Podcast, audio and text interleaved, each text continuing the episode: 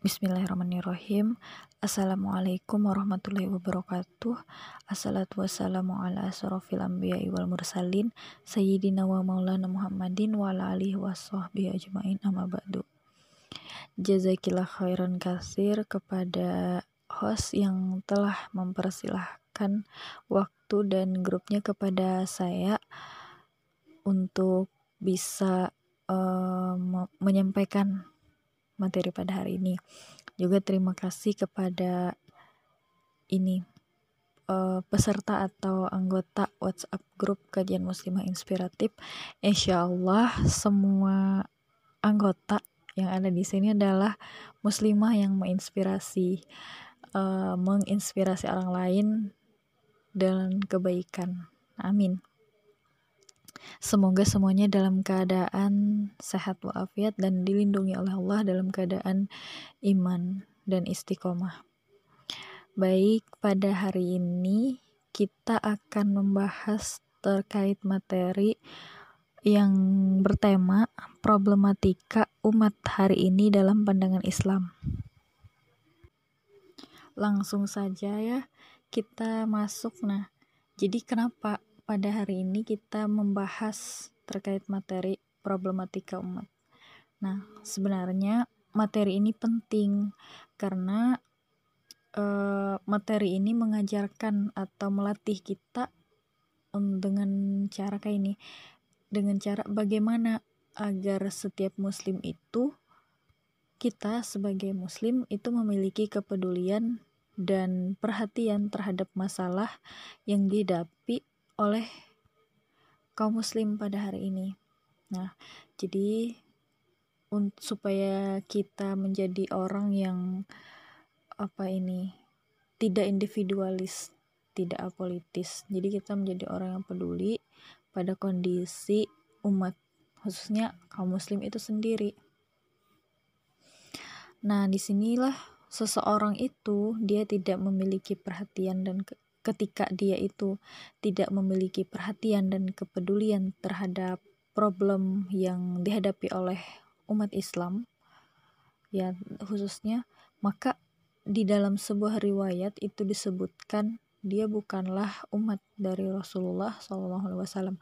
Nah pas banget uh, kemarin lah uh, ini masih dalam suasana Maulid Masya Allah. Allahumma sholli ala Sayyidina Muhammad wa ala ali, wa ala ali Sayyidina Muhammad. Nah siapa yang dia itu tidur di waktu malam tetapi tidak pernah risau dengan masalah-masalah yang dihadapi oleh kaum muslim maka pada hakikatnya dia bukanlah umat dari Nabi Muhammad.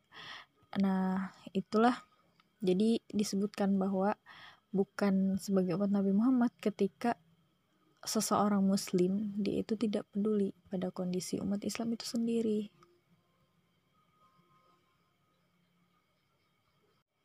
Muslim itu kan sebenarnya adalah bersaudara, bersaudara dalam hal akidah.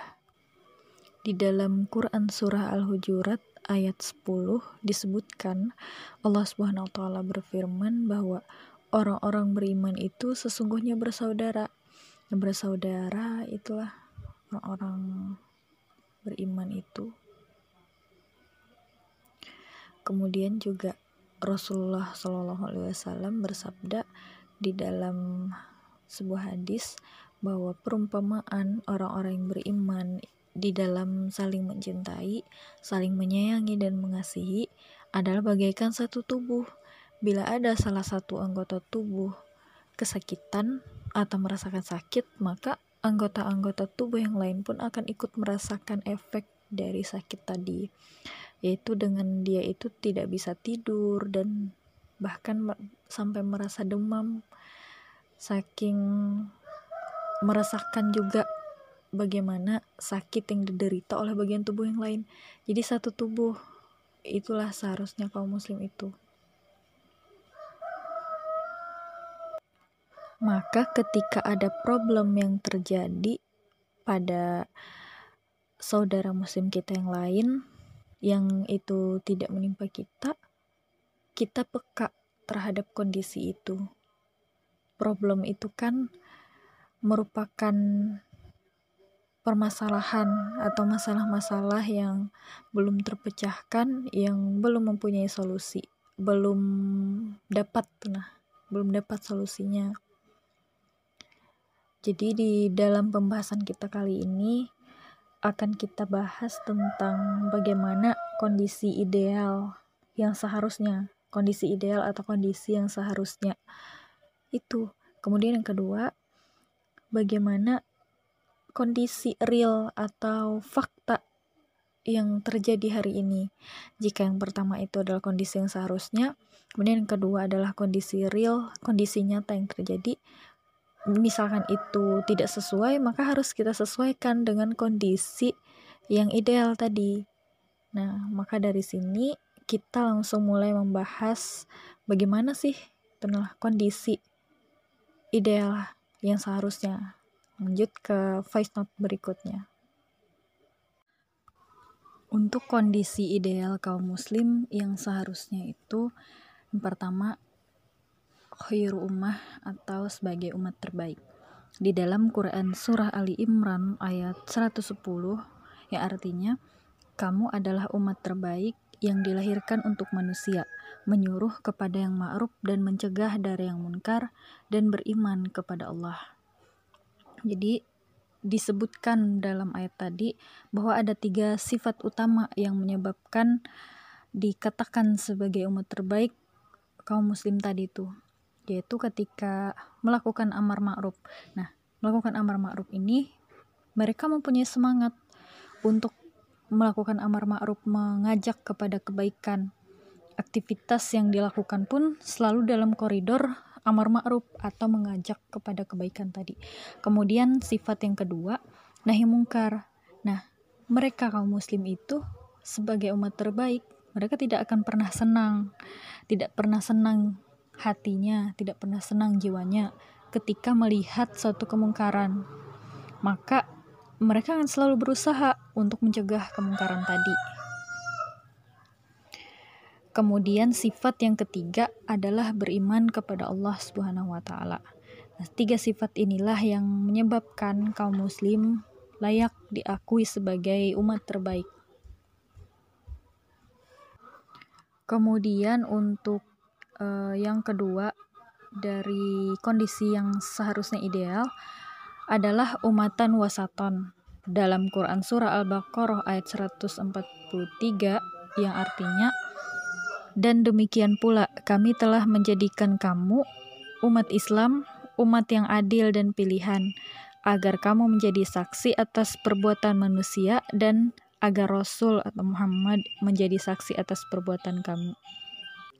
Umat Islam itu dijadikan sebagai umat yang adil dan pilihan, karena merekalah yang akan menjadi saksi atas perbuatan yang menyimpang dari kebenaran, baik di dunia maupun di akhirat. Nah, keadilan yang dimaksud di sini itu adil antara dunia dan akhirat. Seimbang perbuatannya itu. Perbuatan dunia dilakukan untuk mengarahkan kepada uh, bekal untuk mencari kehidupan di akhirat. Lalu poin berikutnya adil antara materi atau fisik dan spiritual atau rohani. Jadi tidak kering rohani, tidak kering spiritual. Tidak lebih unggul salah satunya, tapi adil. Dan intinya tuh selalu berada di dalam koridor hukum syara. Kemudian adil antara kepentingan pribadinya dan kepentingan sosial. Nah, di sini kan di dalam Quran surah At-Tahrim ayat 6 yang artinya wahai orang-orang yang beriman peliharalah dirimu dan keluargamu dari api neraka jadi bukan dirinya sendiri yang dia perhatikan terkait uh, melindungi dari api neraka melindungi dari azab Allah di akhirat tetapi bahkan keluarga yang itu masuk ke dalam lingkup sosial sudah jadi adil antara kepentingan dia pribadi dengan orang lain kemudian yang berikutnya adil dalam hal membelanjakan harta. Dia tidak berlebihan dalam membelanjakan hartanya, tidak pula kikir. Apalagi kan membelanjakan hartanya di jalan Allah. itu lebih mulia.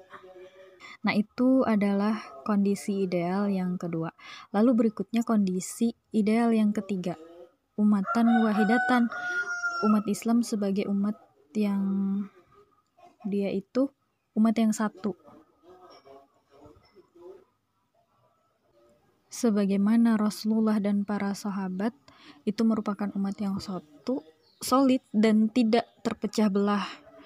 Persatuan dan kesatuan umat itu tampak pada hal berikut ini yaitu satu dalam hal akidah kemudian satu dalam hal kepemimpinan kemudian satu dalam hal jamaah dan dalam hal jamaah ini tidak ada yang masing-masingnya saling mengklaim diri paling benar dan tidak mudah menyalahkan orang lain.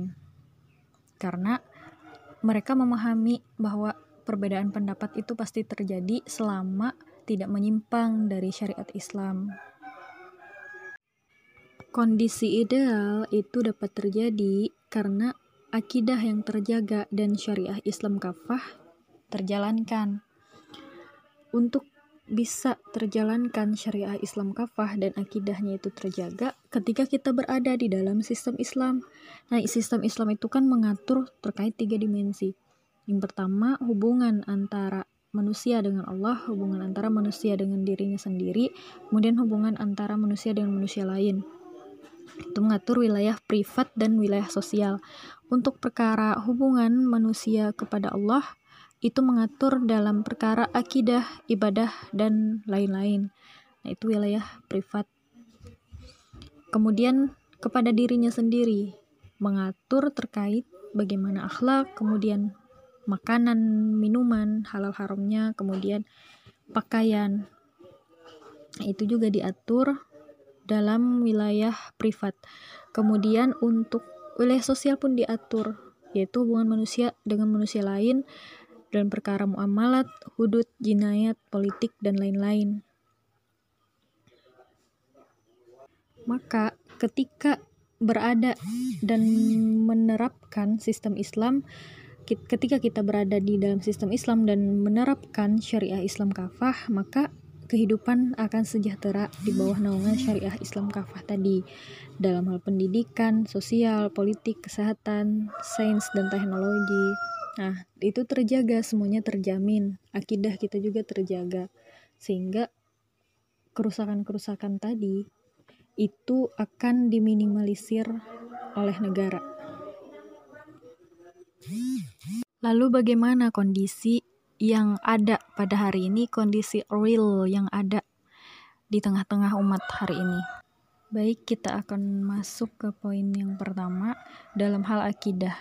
Dalam hal akidah, kondisi umat hari ini pemikirannya, pemikirannya itu dicuci dengan paham-paham yang merusak seperti sekularisme, pemisahan agama dengan kehidupan, sehingga itu yang akhirnya uh, memisahkan agama itu tidak mengatur namanya hidup tidak mengatur kehidupan dia. Jadi itulah yang akhirnya melahirkan pemikiran-pemikiran lain seperti liberalisme atau berpendapat bahwa dirinya itu berhak uh, apa terbuka lah pemikirannya itu. Mengatur dirinya sendiri itu adalah pemikiran yang dia buat sendiri. Liberalisme pemikiran bebas. Nah, itu fakta yang terjadi ketika akidah umat itu tersusupi dengan pemikiran-pemikiran yang merusak tadi, akhirnya kan ada penghinaan-penghinaan yang terjadi terhadap Islam, terhadap Rasulullah, terhadap Al-Qur'an, bahkan terhadap syariat Islam yang lain. Nah, di sini ada terkait Charlie Hebdo. Nah, majalah Charlie Hebdo itu kan menghina Rasulullah kan menghina dengan membuat komik. Nah, itu kan asal Perancis. Itu ada linknya saya kirimkan. Kemudian ada juga vandalisme atau penghinaan terhadap Islam, pelecehan terhadap Islam yang terjadi di masjid sebuah masjid di Tangerang. Itu juga ada link linknya. Nah, itu kan semuanya terjadi karena hari ini tidak ada yang tegas melarang tidak ada yang memberi efek jerak terhadap penghinaan-penghinaan yang terjadi sebelumnya. Lalu juga terjadi pada muslim Uighur dan muslim yang terjajah di negara-negara lain. Seperti di Uighur kan para perempuannya itu mereka uh, semua orang semua orang semua orang sih yang ini di kena dampaknya semua orang muslim di sana kan tidak boleh memakai nama-nama yang bernafaskan Islam seperti nama Muhammad, Fatimah, Aisyah dan sebagainya. Pokoknya nama-nama yang ada embel-embel Islam. Nah, itu tidak boleh ada di Uighur, penduduk muslim Uighur. Kemudian untuk lelaki, para lelakinya itu mereka dipaksa untuk camp konsentrasi. Nah, miris sekali lah fakta yang terjadi pada mereka di sana tuh mereka dipaksa untuk uh, meminum minuman yang homar seperti homar dan dipaksa memakan maaf babi. Nah, itu kan mereka uh, pelan-pelan tenalah di, bahkan dipaksa dipaksa ini untuk mereka itu meninggalkan ajaran Islam yang melarang melarang yang sesuatu yang diharamkan oleh Allah tadi. Kemudian untuk perempuannya mereka itu dipaksa untuk menikah dengan orang-orang uh, dari orang-orang kafir yang ada di sana. Mereka dipaksa untuk menikah. Banyak lagi memakai jilbab menutup aurat. Mereka bahkan dipaksa untuk membuka auratnya. Nah, itu kan terjadi uh, yang namanya keyakinan itu berusaha untuk direnggut oleh mereka. Kondisi ini terjadi karena tidak ada institusi negara yang dia itu bisa memberikan tindak tegas pada apa yang namanya semua kerusakan-kerusakan yang terjadi dalam hal akidah ini. Lalu dalam perkara yang kedua, syariah.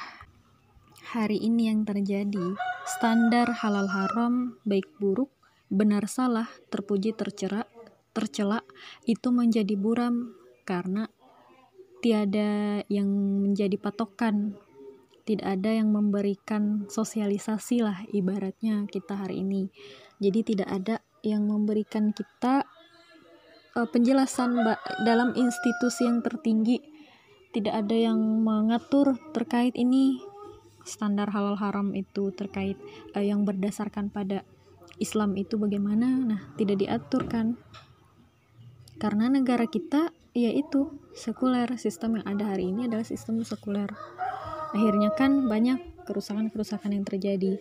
Perkara sosial pergaulan akhirnya menjadi bebas perzinahan dilakukan. Nah, ketika pergaulan menjadi bebas, bebas bergaul laki-laki dan perempuan tanpa batas, akhirnya melakukan maaf perzinahan. Akhirnya kan berujung ketika tidak ada pertanggungjawaban mengakibatkan bayi tadi tuh dibuang bahkan ada yang sampai terbunuh lah dibuang ke sungai dibuang ke bak sampah astagfirullahalazim bahkan jika misalkan uh, apa namanya itu belum dilahirkan masih di dalam rahim lah aborsi. Seperti yang terjadi beberapa waktu lalu. Nah, itu kan ada klinik aborsi di Jakarta Pusat yang mana telah membunuh 32.000 lebih janin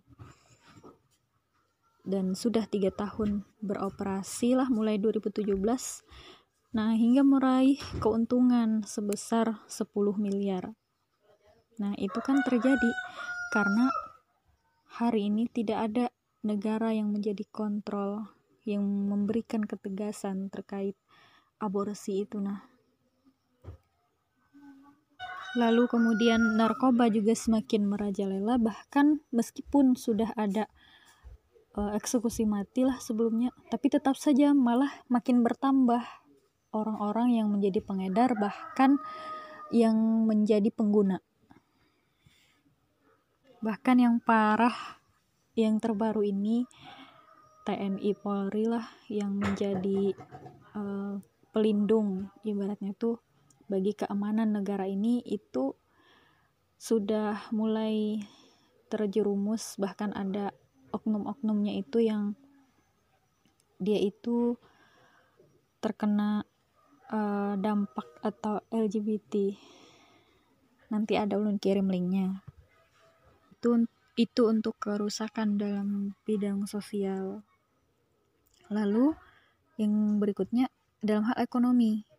Ekonomi yang diterapkan pada hari ini adalah ekonomi kapitalisme mana akan berujung pada kesenjangan. Orang yang miskin makin miskin orang yang kaya makin kaya. Nah itu uh, di dalam masyarakat sebuah negara. Bahkan untuk skala negaranya sendiri uh, kan ketika melemah nilai tukar di dalam nilai tukar mata uang di dalam suatu negara apalagi di masa pandemi inilah lemah kan sistem keuangan negara kapitalis itu akhirnya berujung pada resesi.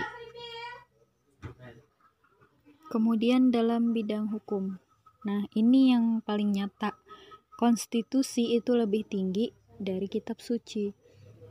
Bahkan ketika ada orang yang melakukan pelecehan terhadap Al-Qur'an, maka undang-undang tidak mengatur terkait itu. Jadi eh, ketika yang hari ini terjadi hukum-hukum syariat Islam itu lebih rendah daripada hukum-hukum yang dibuat oleh manusia.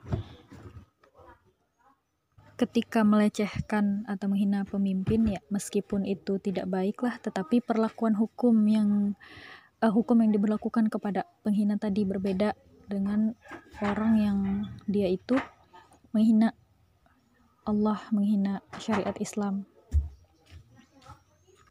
Bahkan ketika hukum yang diterapkan itu memberikan atau bertentangan dengan kepentingan masyarakat, bertentangan dengan syariah Islam, tetap dijalankan seperti undang-undang yang diterapkan hari inilah. Kemudian berikutnya dalam hal politik dan bidang politik, negeri muslim itu terpecah belah menjadi lebih dari 59 negara dan hari ini demokrasi dan hak asasi manusia itu yang menggerogoti muslim.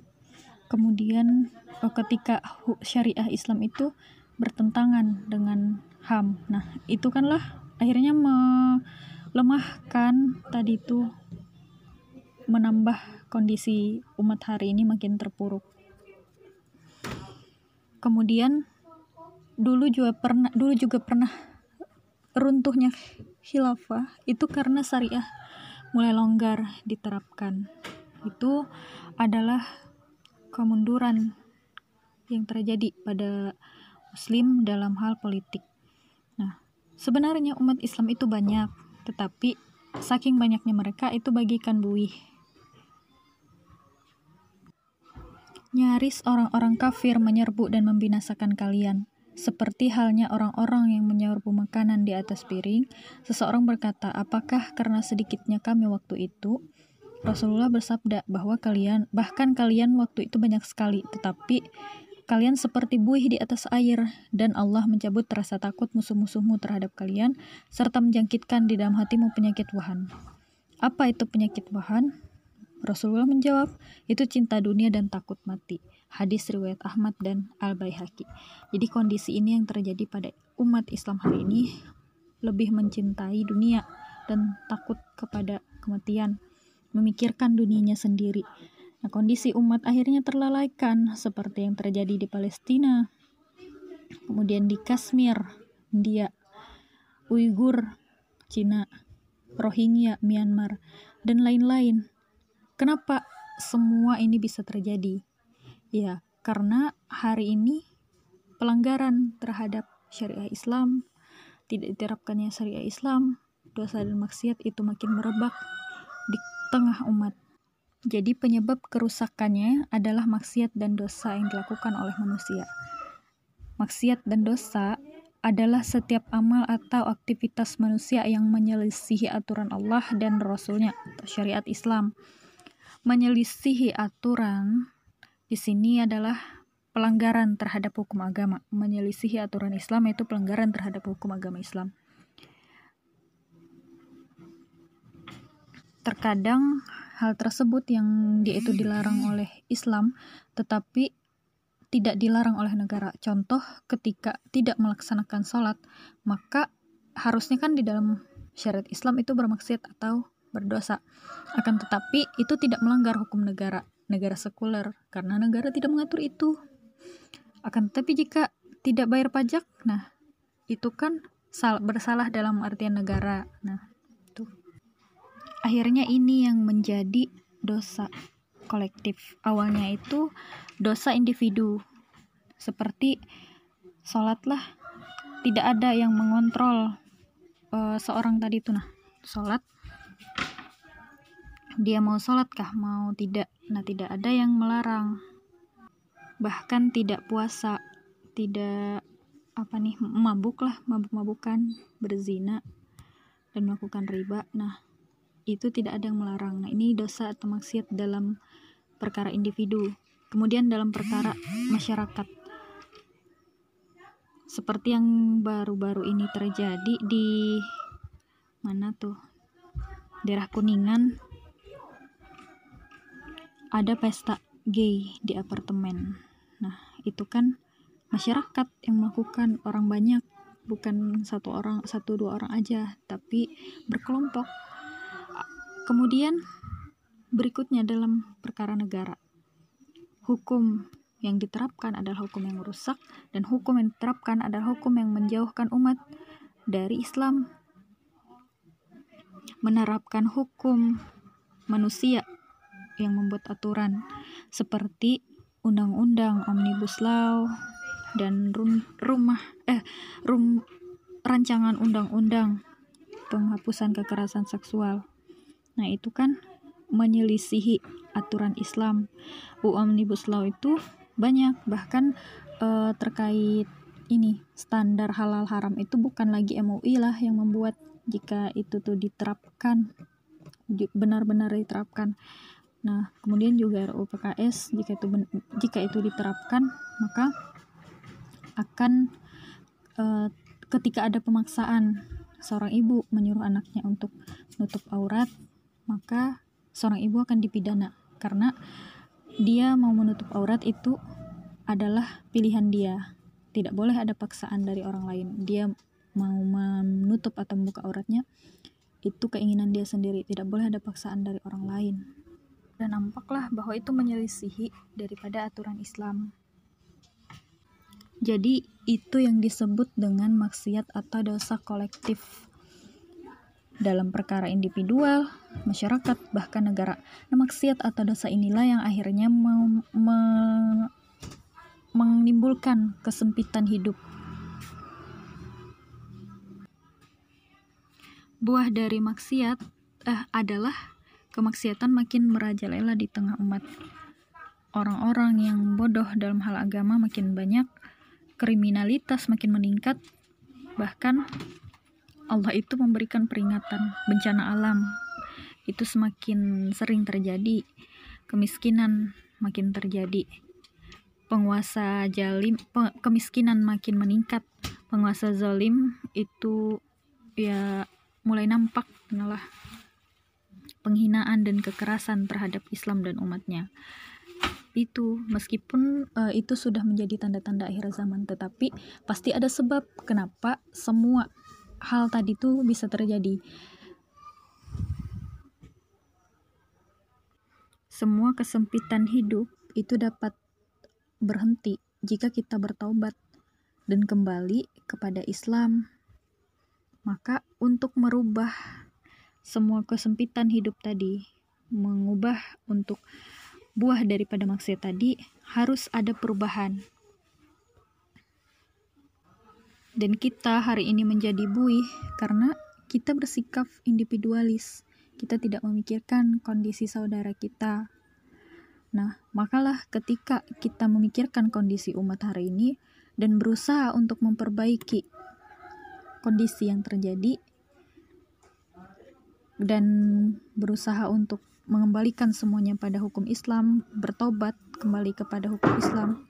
Nah, kita tidak menjadi orang individualis. Bagaimana caranya supaya kita bisa mengubah kondisi umat hari ini? Nah, insya Allah ini akan disampaikan, dilanjutkan pada pekan depan materinya.